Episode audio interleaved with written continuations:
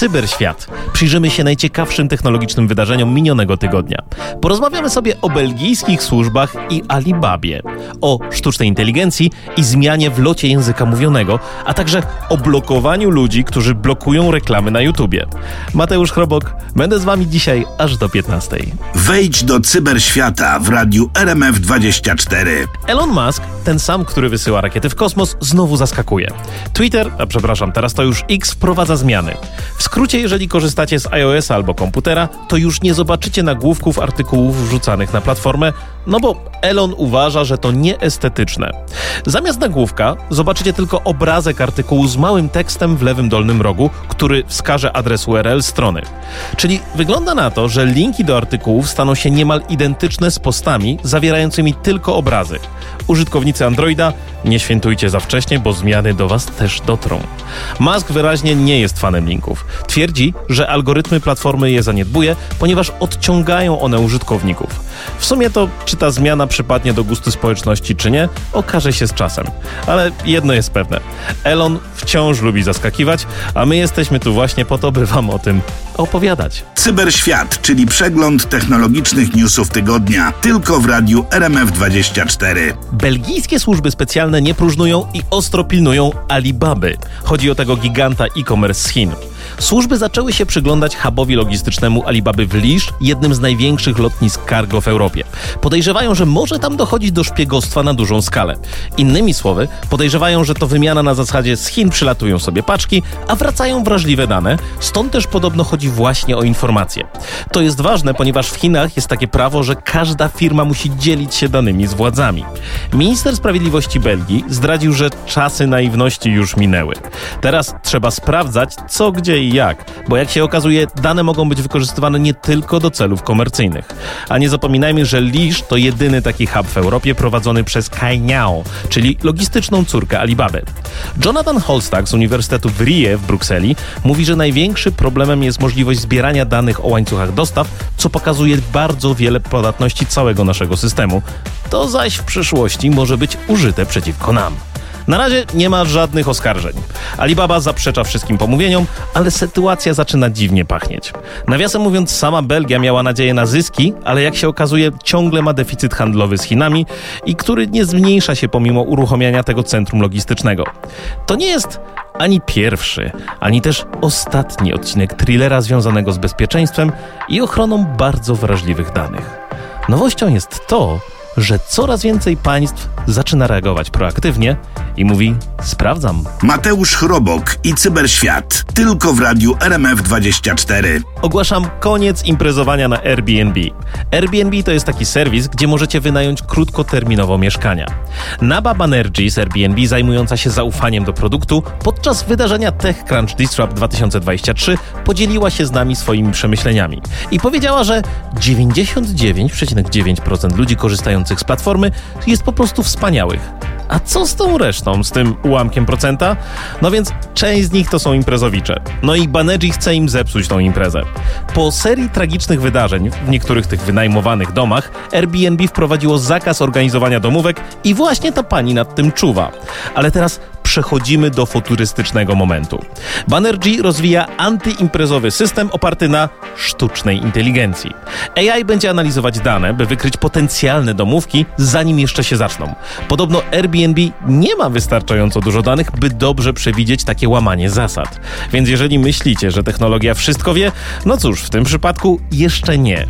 A może po prostu trzeba organizować różne tematyczne domówki, tak żeby wyłamać się ze schematu. No bo wiecie, AI łapie to, czego się nauczyła, więc ja tam czuję potencjał na aplikację, która podpowie wam coś takiego nietypowego. Cyberświat w radiu RMF24. Wygląda na to, że YouTube wkracza na wojenną ścieżkę z blokerami reklam. Jeżeli jesteś jednym z tych, którzy korzystają z adblocka tak jak ja, to możesz się spodziewać bardziej agresywnych komunikatów ze strony giganta należącego do Google'a. Wybór jest prosty: albo zgoda na reklamy, albo wykupienie subskrypcji YouTube Premium za parędziesiąt złotych miesięcznie. Inaczej, po trzech odtworzeniach zostanie ci zablokowany dostęp do filmów. Ale dlaczego oni to robią teraz? No więc YouTube twierdzi, że to dla dobra twórców, po to, żeby każdy z nich mógł zarobić na swojej pasji i talencie. Według tego, co firma mówi ustami Oluwy Falodun, blokowanie reklam łamie zasady korzystania z usługi, na które cicho oczywiście czytając wszystko, całe się zgodziliśmy. A dlaczego ta zmiana jest prowadzona teraz już? No po to, by zapewnić darmowy dostęp do treści, bo to właśnie reklamy napędzają cały ten biznes. Skoro YouTube podjął rękawice, to nie wierzę, że twórcy adblockerów też nie spróbują tego jakoś obejść. Miejmy nadzieję, że w pewnym momencie Google nie postanowi blokować kont za to, że blokują reklamy. Mateusz Chrobok i Cyberświat. Tylko w radiu RMF24. Niedawno Spotify ogłosiło, że odpalają pilota swojej usługi, w której kilka popularnych podcastów zostanie automatycznie przetłumaczonych na kilka języków. Co więcej, będziemy słyszeć oryginalny głos autora, który zostanie wytworzony przez sztuczną inteligencję. By przybliżyć nam ten temat, poprosiłem Mieszka Mahbub ze Zgrywa Studio, by opowiedział nam jako specjalista o tej technologii. Halo, halo Mieszku, słyszysz nas? Cześć Mateusz, słyszę cię bardzo dobrze. Powiedz mi, Mieszko, słyszałeś już tych automatycznie generowanych języków? Czy jak ci to brzmi? No tak, miałem już przyjemność i faktycznie Spotify ma całkiem niezłą strategię, komunikując nową funkcję, korzystając z uprzejmości Lexa, który nawet bez komputera brzmi jak wygenerowany. A mówiąc poważniej, przejrzałem ten automatyczny hiszpański, póki co brzmi to tak jakby coś, co mogliby dorzucić za darmo. Mam wrażenie, że cały czas jestem w tak zwanej dolinie niesamowitości i obcuję w niedoskonałym, choć wcale nie najgorszym, sztucznym tworem i trochę tracę kontakt z twórcą. Nie ma co się jednak z tego śmiać. Rozwój technologii jest tak szybki, że czuję, że szybko z tej dolinki wyjdziemy. A powiedz mi, bo mówisz, że to tak e, brzmiało, jak brzmiało. E, dla mnie na razie to, że tam jest hiszpański, oczywiście nie ma polskiego, bo polski jest o wiele trudniejszy. E, po, Lex Friedman, no bo jako autor podcastów jest też rzeczywiście bardzo robotyczny, więc no tutaj ciężko podrobić robota robotem. E, czy myślisz, że ludzie tacy jak lektorzy, tacy, którzy tworzą dubbingi i inne realizacje, czy oni stracą pracę przez taką technologię? E, ja bym tu posłużył się metaforą, bo to jest trochę jak prawdziwa wanilia i olejek wanilinowy. Ten drugi jest tańszy, bardziej dostępny i używany powszechnie. Ale tam, gdzie chcemy poczuć coś prawdziwego, no zawsze sięgamy do natury. W mojej praktyce dużo rozbija się o subtelności. Nie wystarczy tylko podać tekst, trzeba nadać mu znaczenie, osadzić w kontekście, uporządkować emocjonalnie. Czy lubisz, gdy dzwonią do ciebie boty? No Jezu, nie, oczywiście, że nie. No ja, ja też nie, właśnie wolę pogadać z prawdziwym człowiekiem, nawet jeśli jest namolny. E, gdy rozmawiamy dzisiaj, jesteśmy na etapie, że możemy zastąpić wygenerowanym na podstawie tekstu dźwiękiem prawdziwego lektora w formach takich jak instrukcja obsługi jakiegoś systemu, w formie wideotutorialu. Możemy obiektywnie przekazać wiadomości ze świata, możemy wygenerować komunikat o odjeździe pociągu.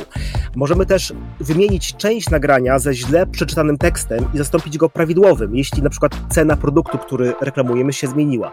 W małym, w, w małym fragmencie to aż tak nie boli, ale cały czas praca z aktorem przy mikrofonie jest moim zdaniem bardziej twórcza i daje więcej możliwości niż, generatowy, niż ge, generatory mowy. Czyli to jest tak, że właściwie lubimy takie rzeczy stuprocentowe, naturalne, bo czuć, że tutaj te takie syntetyczne nie są dokoła fajne. Chociaż ja teraz tak się powoli zastanawiam, czy wolałbym człowieka namolnego, ale człowieka, czy bota, który jest miły. No ale to jest inna sprawa. A powiedz mi, co myślisz o rozwoju AI w ogóle w twojej branży, bo to ma tak niesamowity wpływ w tej chwili na całą muzykę. E, jak ty to widzisz? No ja właśnie bardzo długo czekałem na tę rewolucję, ale niekoniecznie w samej dziedzinie generowania głosu, ale samego przetwarzania sygnałów w sposób inny niż miałem do czynienia, używając konwencjonalnych narzędzi. Dziś mam wtyczkę, która inteligentnie oddziela dialog od pozostałych warstw i robi to lepiej niż to, co było dostępne na przykład 10 lat temu. E, mamy też programy, które mówią wprost, hej, puść mi to, zobaczymy, co uda mi się z tym zrobić. I nawet jeśli efekt finalny nie jest zgodny z naszymi oczekiwaniami, to często wystarczy nanieść swoje poprawki i dojść do zamierzonego brzmienia dużo szybciej. Możemy dziś dużo skuteczniej zmieniać proporcje warstw instrumentów, usuwać nieczystości w dialogu. Widzę, że deweloperzy rozwiązują nasze bolączki po kolei, więc jestem bardzo ciekaw, o czym mógłbym Ci opowiedzieć za rok. No, y, ja mam, ja mam wielką nadzieję, bo wiesz, nawet tacy amatorzy jak ja, którzy bawią się tymi wszystkimi technologiami, to jest coraz prostsze. Klikasz dwa guziki i mówisz zrób mi i jest zrobione, więc e, czy ty się nie boisz, że stracisz pracę? Wiesz co, myślę, że w przyszłości ludzie będą płacić ludziom takim jak ja bardziej za podejmowanie decyzji niż klikanie i ustawienie tego w korektora, bo nie ma czegoś takiego jak dźwięk doskonały. To wszystko jest estetyczne. E, gdybyś zadzwonił do mnie jeszcze nie tak dawno, lekko szydząc, odpowiedziałbym, a wiesz jaka będzie pogoda za dwa lata? No, no nie wiemy tego.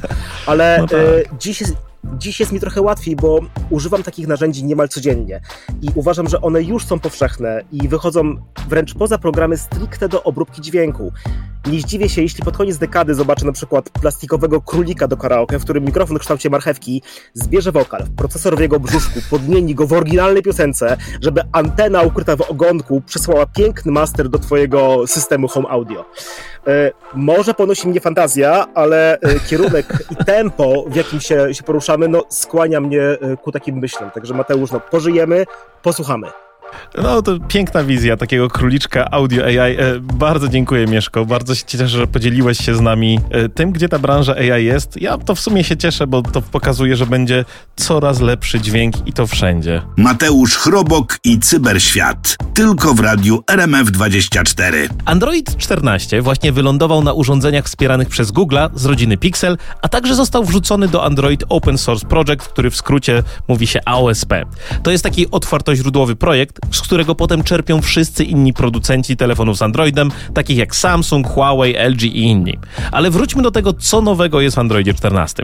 Jeżeli kiedykolwiek marzyliście, żeby wasza tapeta była wyjątkowa, to teraz dzięki AI i modelom zamieniającym tekst na obraz będzie można sobie je taką wygenerować.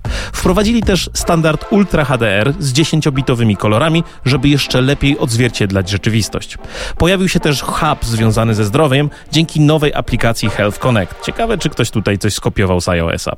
Co więcej, Android 14 krzyczy do nas dbaj o swoją prywatność i proponuje ustawienie pinu co najmniej z sześcioma cyframi.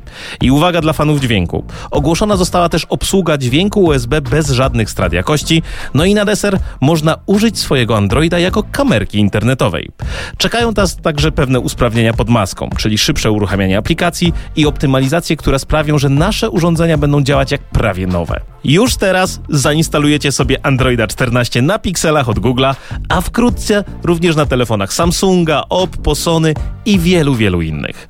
Ja czekam aż będzie dostępny, bo to zawsze jest świeży krok naprzód, a nowości no, uwielbiamy przecież wszyscy, szczególnie w technologii. Cyberświat w radiu RMF24. Amazon, ten sklepik, gdzie można kupić bardzo wiele rzeczy, wpadł w niezłe terapaty w Stanach Zjednoczonych. Federalna Komisja Handlu i 17 prokuratorów zarzucają Amazonowi nielegalne utrzymywanie monopolu. W skrócie chodzi o to, że Amazon używa taktyk, które utrudniają konkurencję obniżanie cen. Wall Street Journal ujawnił, że Amazon używał tajnego algorytmu o wdzięcznej nazwie Project Nessie. Nie, i to nie chodzi o potwora z Loch Ness. To taki program, który podnosił ceny tylko po to, żeby sprawdzić, jak wysoko mogą pójść, a jednocześnie ciągle być niższymi od konkurencji. To działało tak, że jeżeli konkurencja podnosiła ceny, no to Amazon robił to samo. Jeżeli nie, no to algorytm wracał do niższej ceny.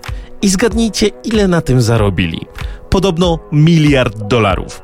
Używanie algorytmu podobno zakończyli w 2019 roku i nikt w sumie nie wie dlaczego. Według słów Federalnej Komisji Handlu, Amazon nauczył konkurencję, że niższe ceny niekoniecznie przekładają się na większe sprzedaże. To są dość ciekawe wnioski. Ciekaw jestem, co z tej sprawy wyniknie, bo coś czuję, że konkurencja też może wymyślić coś podobnego. Cóż, wygląda na to, że cenami już dawno nie sterują ludzie. Cyberświat w radiu RMF24. Jest jeszcze więcej nowości po ostatnim wydarzeniu związanym z wypuszczeniem telefonu Google Pixel 8. Nie tylko ogłoszono tam informacje o nowym smartfonie od Google'a, ale też przedstawiono zegarek Google Pixel 2 i Fitbita Charge 6. Mnie najbardziej zaciekawiło Fitbit Labs, bo to jest szereg nowości opartych na tzw. Tak generatywnej sztucznej inteligencji. Chodzi o to, że AI analizuje nasze osiągnięcia w treningu na podstawie różnych danych zdrowotnych. To trochę tak jakby mieć osobistego trenera w kieszeni, który powie ci, dlaczego dzisiejszy bieg był albo genialny, albo niestety no średniawka. Dodatkowo ta technologia będzie potrafiła również komentować nasze wyniki po treningu.